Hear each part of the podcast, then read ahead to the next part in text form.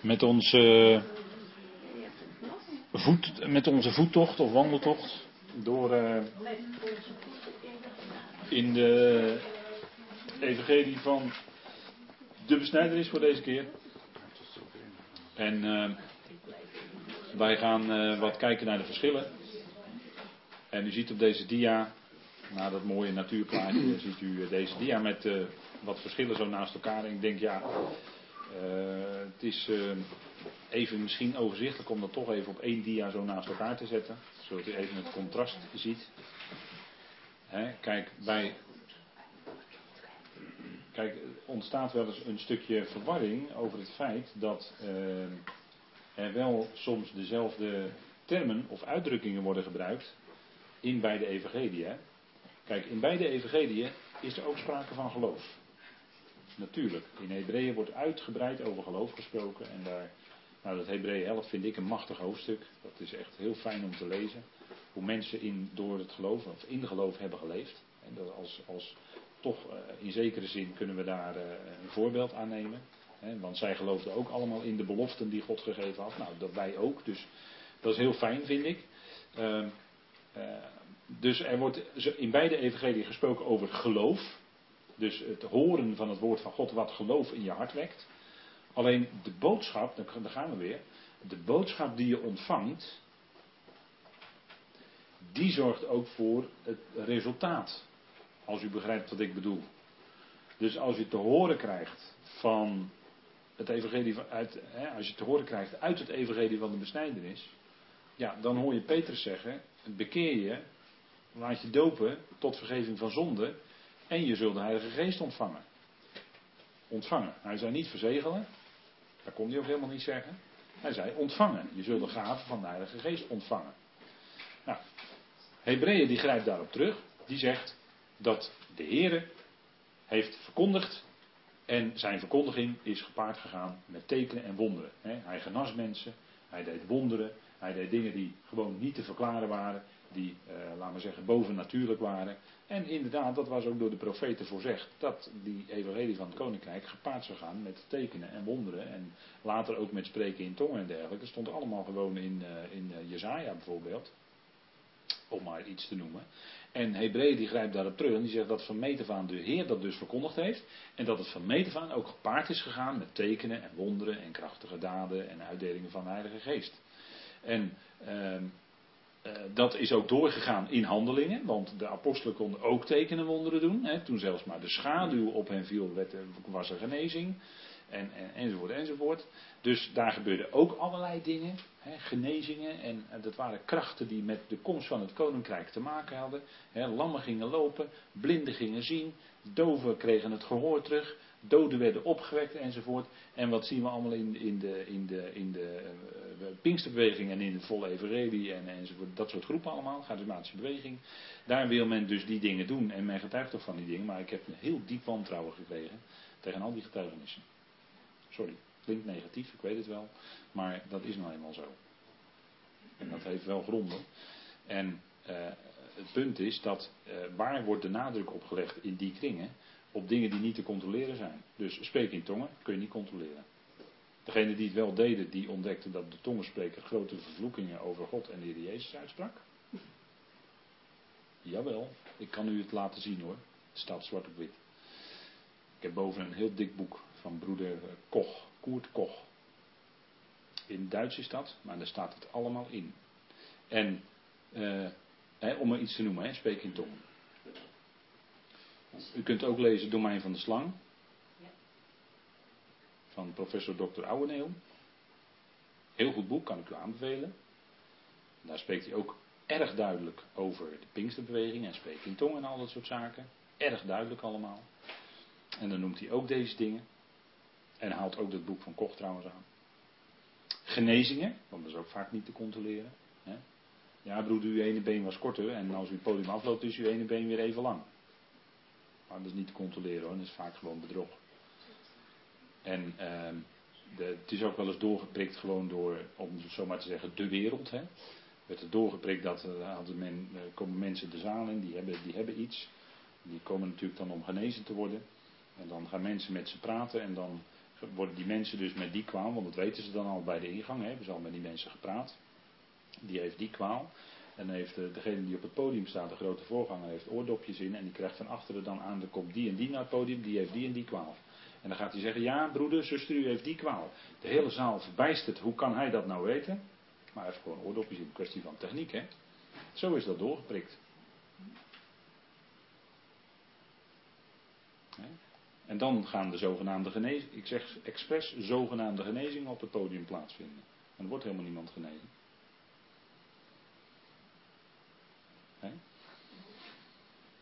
Ik kan hele erge voorbeelden daarvan noemen hoor, heel erg. Maar ik vind dat zo erg, daarom noem ik ze maar niet. Liever niet. Maar dat is allemaal imitatie. En weet u hoe dat komt? Dat komt omdat nu dit evangelie niet gepredikt zou worden. Het evangelie van het koninkrijk, want het werkt niet. Als nu het evangelie van het koninkrijk gepredikt wordt, krijg je geen authentieke, echte krachten, tekenen en wonderen. Krijg je niet. En als er wel iets gebeurt, dan is het of uh, geestdrijverij, dus dat mensen zich dat inbeelden, één, één. Of het is de emotie van het moment, dat mensen even uit hun rolstoel kunnen opstaan, maar de volgende dag er gewoon weer in zitten. Of het is demonisch bedrog. Dat vind, dat vind ik nog het ergste, dat laatste. Maar dat is ook regelmatig aan de hand. Ik weet niet of u wel eens een video heeft gezien van een zekere Benny Hinn. Een hele rijen gaan onderuit. Wat denkt u wat dat is? Als hij blaast, gaan hele rijen onderuit. Ik heb het gezien. Wat denkt u wat dat is? Heilige Geest? Nee, natuurlijk niet. Dat is onheilige geest die dan werkzaam is in die zaal. Wat dacht je wat? Dat worden gewoon spiritistische seances. Dat worden het. Ja, ik weet dat ik nu heel krasse dingen zeg, maar zo liggen die dingen gewoon. En de arme gelovigen, want daar zeg ik het voor, die arme gelovigen in de zaal, die worden misleid. Want er is eerst collecte en daarna de genezingen. Nee, nee, wacht even, andersom. Dat is natuurlijk beter. Eerst de genezingen, dan is het spektakel geweest. Ja, en dan eh, komen de briefjes van 100, 200, 500 euro wel tevoorschijn natuurlijk. want zo gaat dat.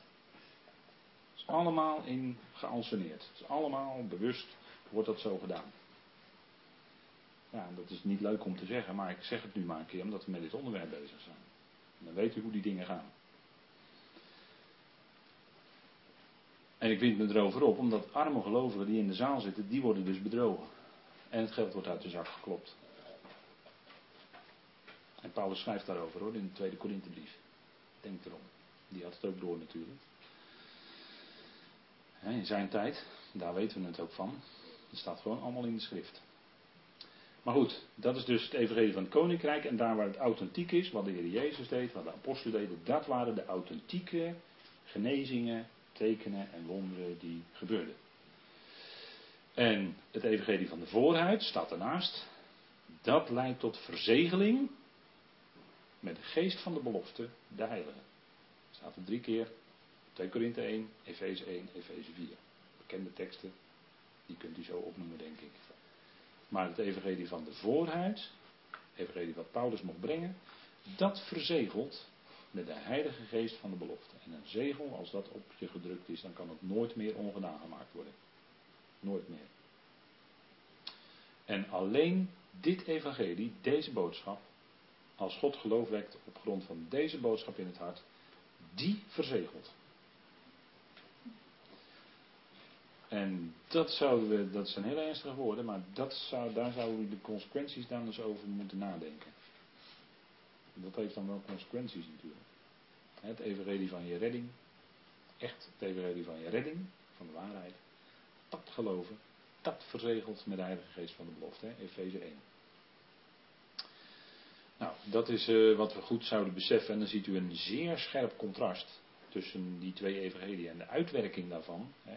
Allebei gaat het om geloof, maar de uitwerking is zo totaal anders.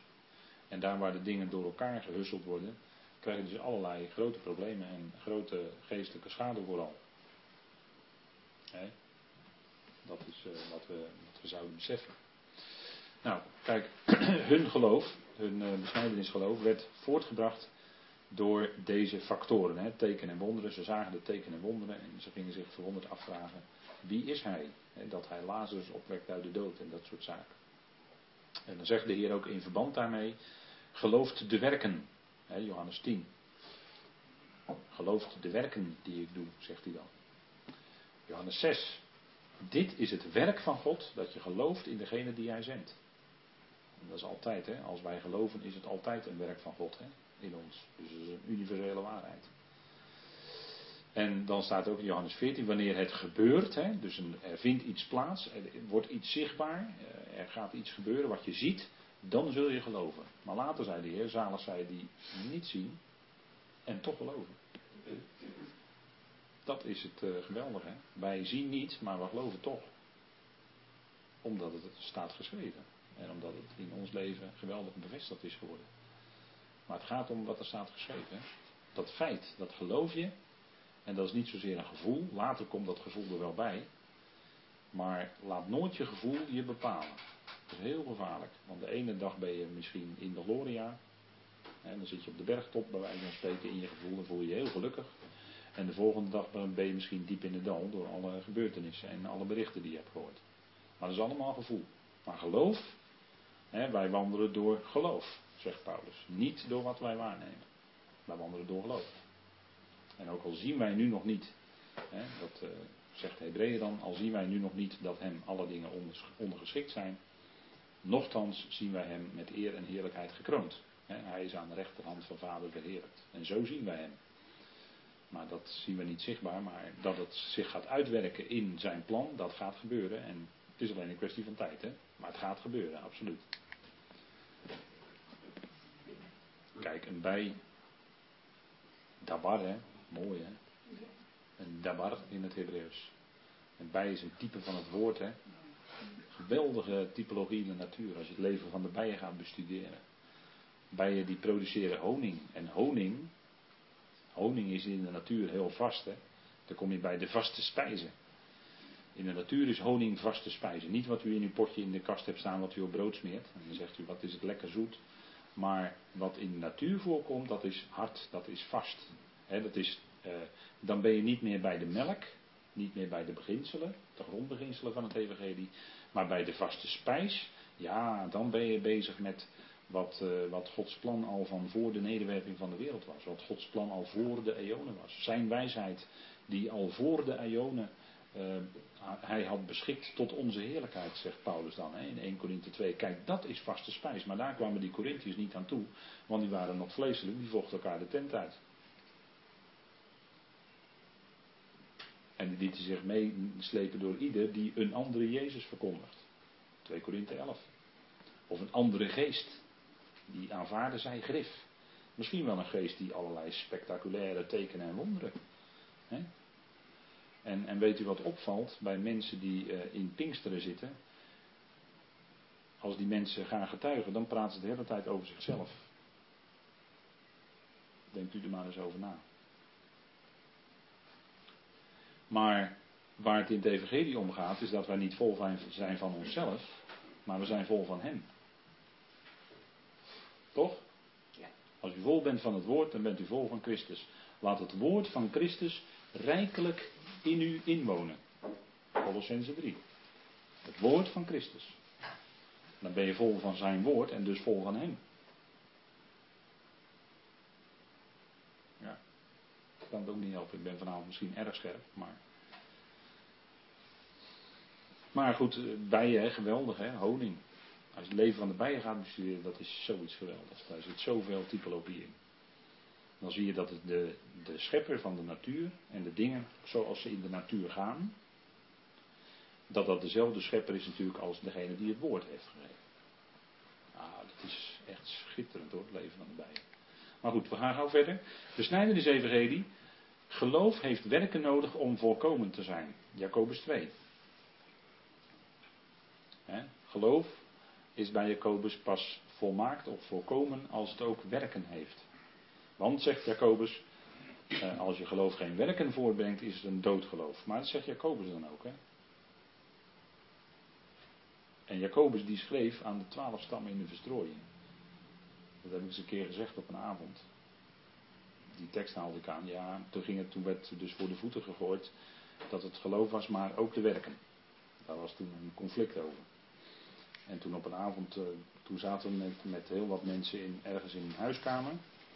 En toen heb ik deze tekst uit Jacobus geciteerd, dat uh, Jacobus, dat hij schrijft aan de twaalf stammen in de verstrooiing. Daarna werd ik genadeloos afgemaakt. Genadeloos, let u op het woord? Dat gebeurde toen. Ik zal, geen, ik zal verder niet in details treden, maar dat is gebeurd. Maar bij Jacobus, en dat herhaal ik, Jacobus schrijft aan de twaalf stammen in de verstrooiing. Jacobus heeft het over geloof plus werken. Die heeft het over Abraham die zijn zoon Isaac op het altaar heeft gelegd.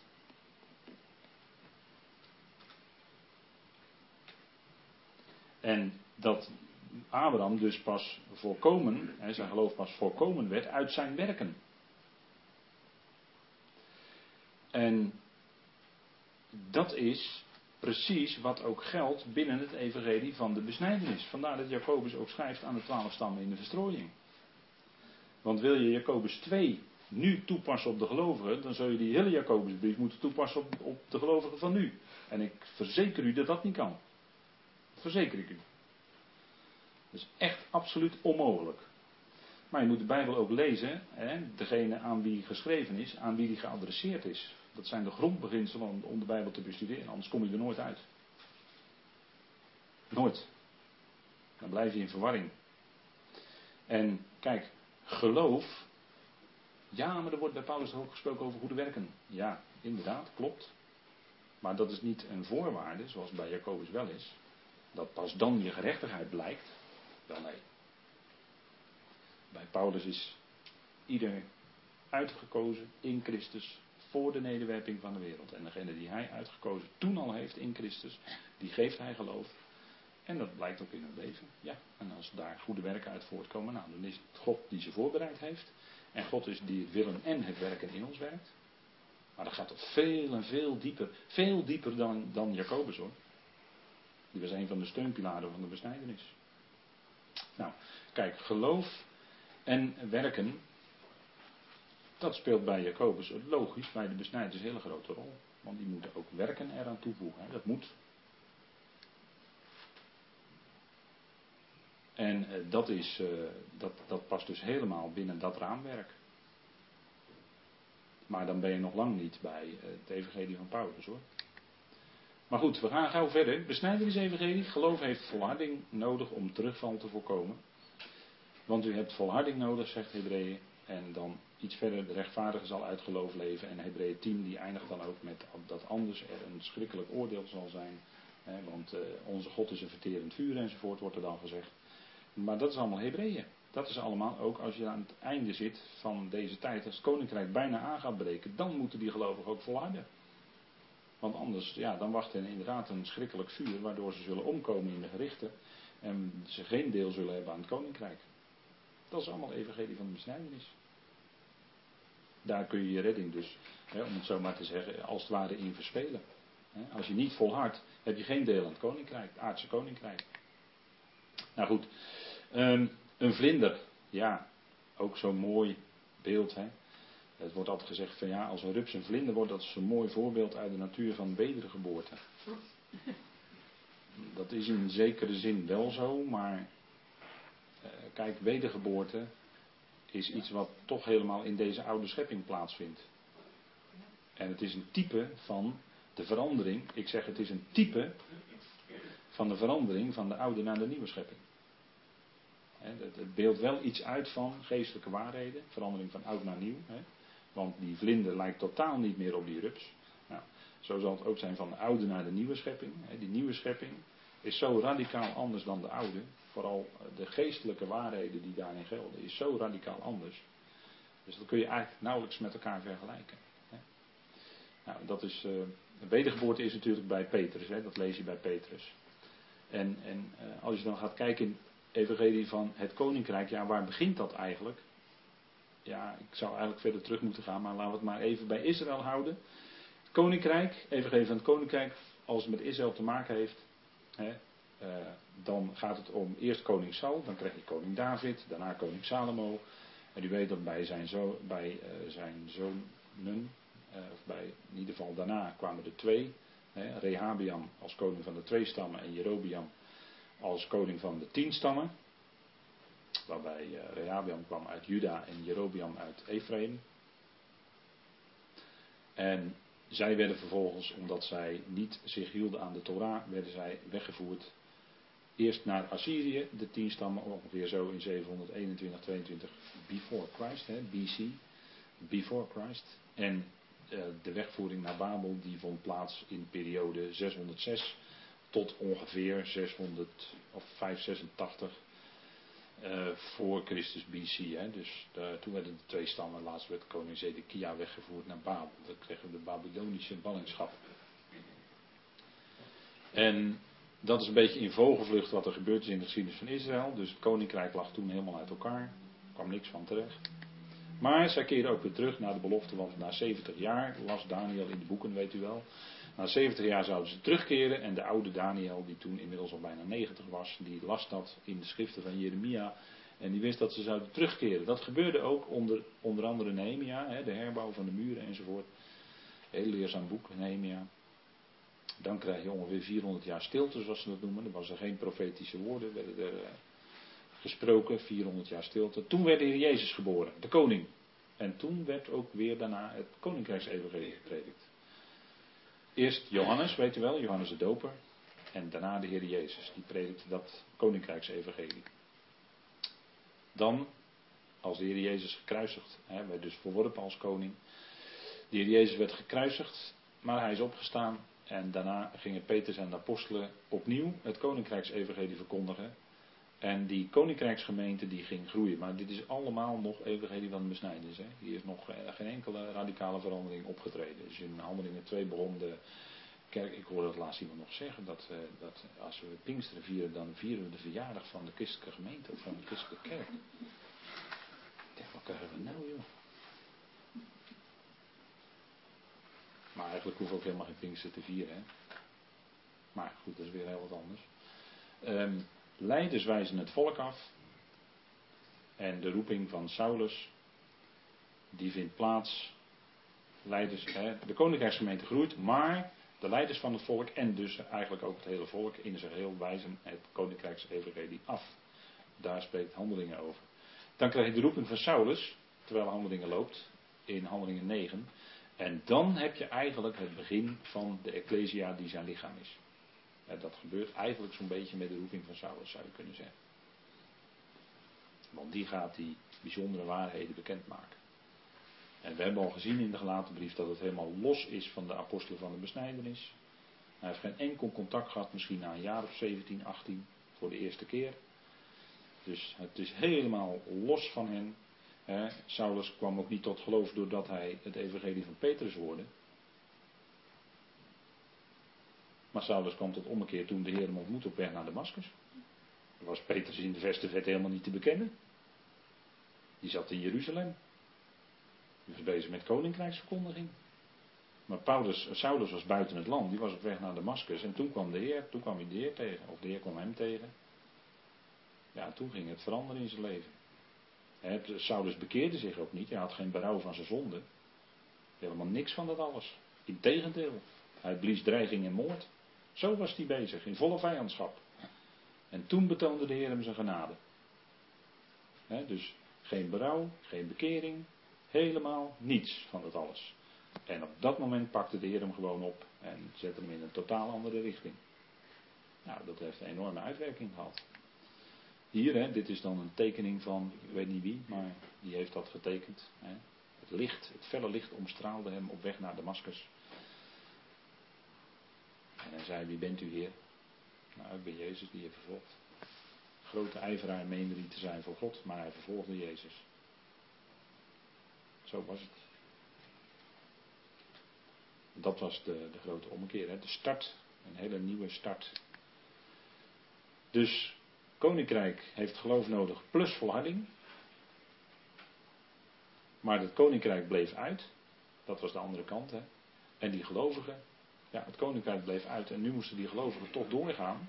Ze moesten dat geloof vasthouden. Dat hun bekering en vergeving begeleiden. En daarvoor werden die brieven nou geschreven, Hebreeën, Hebreeën probeert glimpjes te laten zien van richting Paulus, zeg maar. Ja, toch wel. Maar dat, dat is de dubbel, dat is de twee kanten van de Hebreeënbrief, daarom is die ook zo moeilijk. Maar, en aan de andere kant zou er ook een gericht komen als ze dus niet zouden volharden. Dus die brief is vooral geschreven om hen te laten volharden. De gelovigen worden gezegd het geloof vast te houden. Vooral door drie brieven, namelijk Hebreeën 1 en 2 Petrus. En dit is een stukje perkamentpapier. Hè. Er werden de hele belangrijke mededelingen opgeschreven.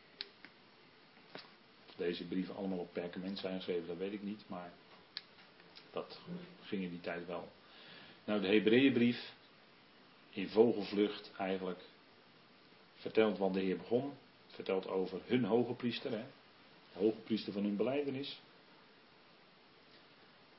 Zij moesten aansporen om dat geloof vast te houden. Hebreeën 3 en 4, hè, geloof. De hoge priester zit in het heiligste, zegt Hebreeën 10. En dan wordt hun gezegd ook dat ze die grondbeginselen, Hebreeën 6, wordt ook gezegd wat dat zijn, hè, die grondbeginselen, dat ze die moesten verlaten en groeien naar de volwassenheid. En aan de Hebreeën wordt dan gezegd ook dat die volwassenheid komt onder het nieuwe verbond. En vele bedoel ik mee het nieuwe verbond.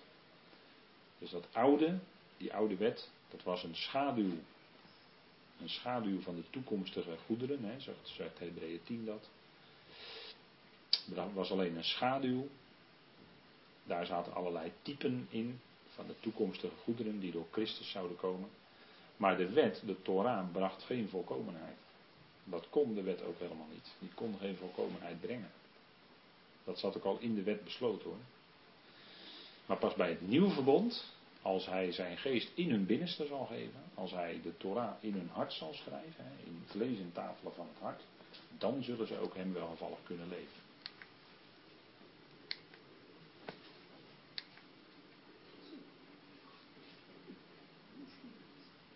Hier weer even een, iets uit het leven van de bijen. De honing, raad. Ook mooi hoor. Maken ze honing. Ze produceren allemaal werkbijen.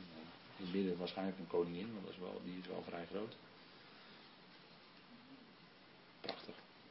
Nou, de Petrusbrieven, gericht aan de vreemdelingen in de verstrooiing.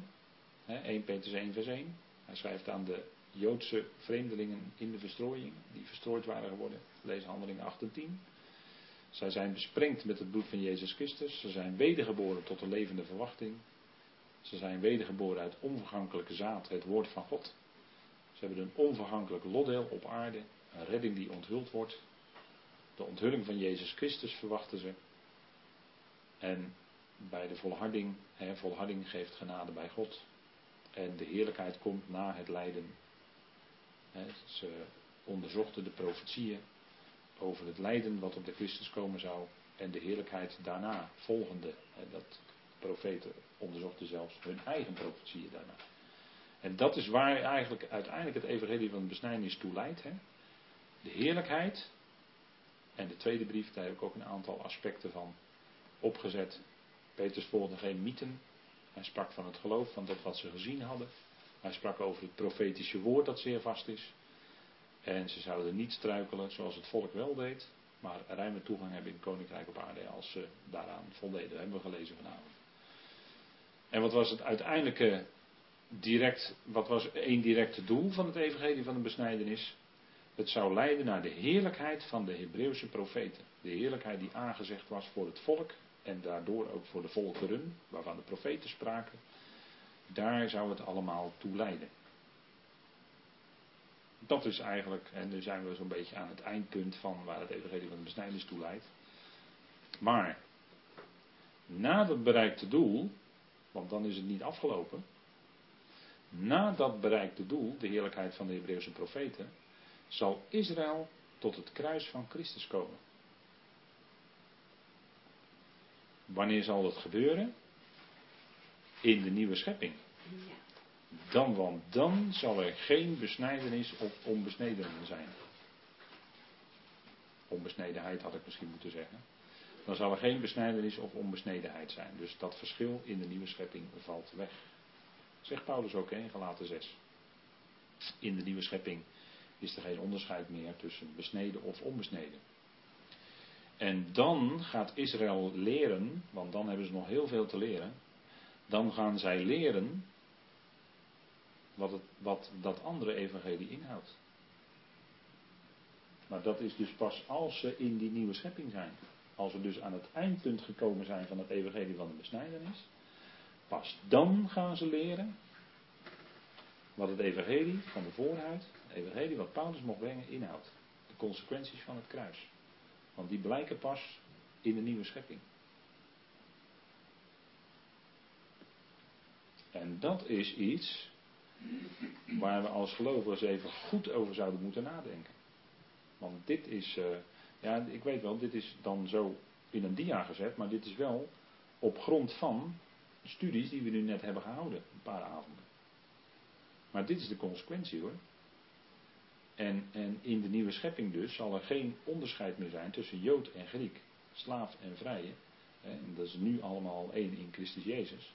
Maar in de nieuwe schepping zal dat pas echt daadwerkelijk gaan blijken. En als geloven, als het goed is, beseffen wij dat nu al. Of gaan we er iets van beseffen, van die nieuwe schepping, wat het betekent.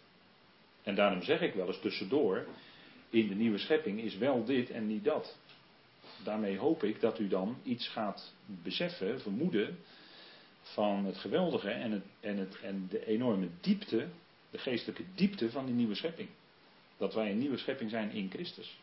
Maar ik denk dat wij de, de strekking van wat Paulus zegt in 2 Korinthe 5 nog veel te weinig bevatten.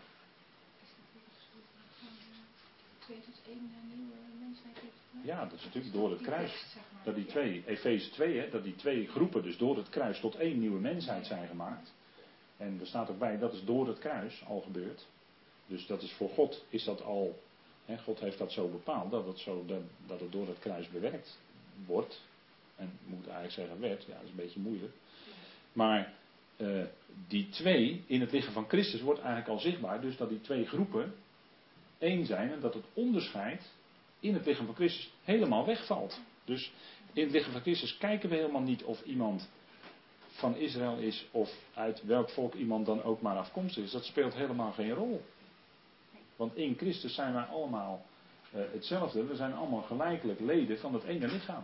En daar is Paulus al mee bezig in de eerste Korinthebrief. Dat we allemaal gelijkelijk leden zijn van één lichaam. We zijn allen naar binnen dat ene lichaam gedoopt. Door één geest, die ene geest maakt ons één. Hè, dat we allemaal deel hebben aan, hè, dat die geest allemaal in ons woning maakt. Als gelovigen.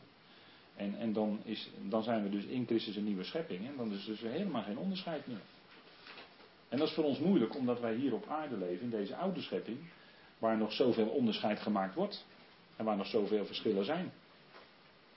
Maar het gaat erom natuurlijk dat we doorgaan krijgen wat het betekent dat wij in Christus een nieuwe schepping zijn. En dat je dan dus voorbij bent aan. En waar het conflict dus op, steeds op zit, is dus vlees. Daar zit altijd het conflict. Geestelijk gezien. Als er vleeselijke factoren een rol spelen, of zielsvleeselijke, in de gemeente, dan heb je onrust, dan heb je conflict, dan heb je herrie. Dat was bij die Corinthiërs aan de hand. Zegt Paulus ook, jullie zijn nog vleeselijk. En Paulus die zegt gewoon precies zoals het is natuurlijk. En daar leren we het van. Dus als we diezelfde verschijnselen zien onder geloven als die ook in Korinthe waren, dan kan je gewoon constateren, ja, dat is vleeselijk. Komt voort uit vlees. En, en, en, dat is wat we zouden zien als aan het kruis, meegekruisigd met Christus.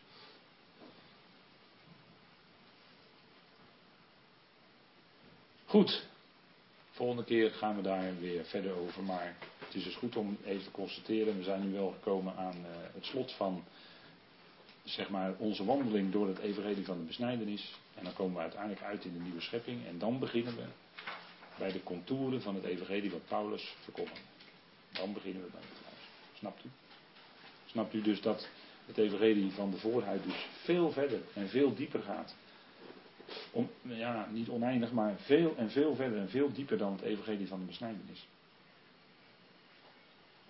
Dus dat heeft enorme consequenties. Maar ons ogen, geestelijke ogen, ogen van ons hart, net zoals je het zeggen wil, die moeten daarvoor geopend worden.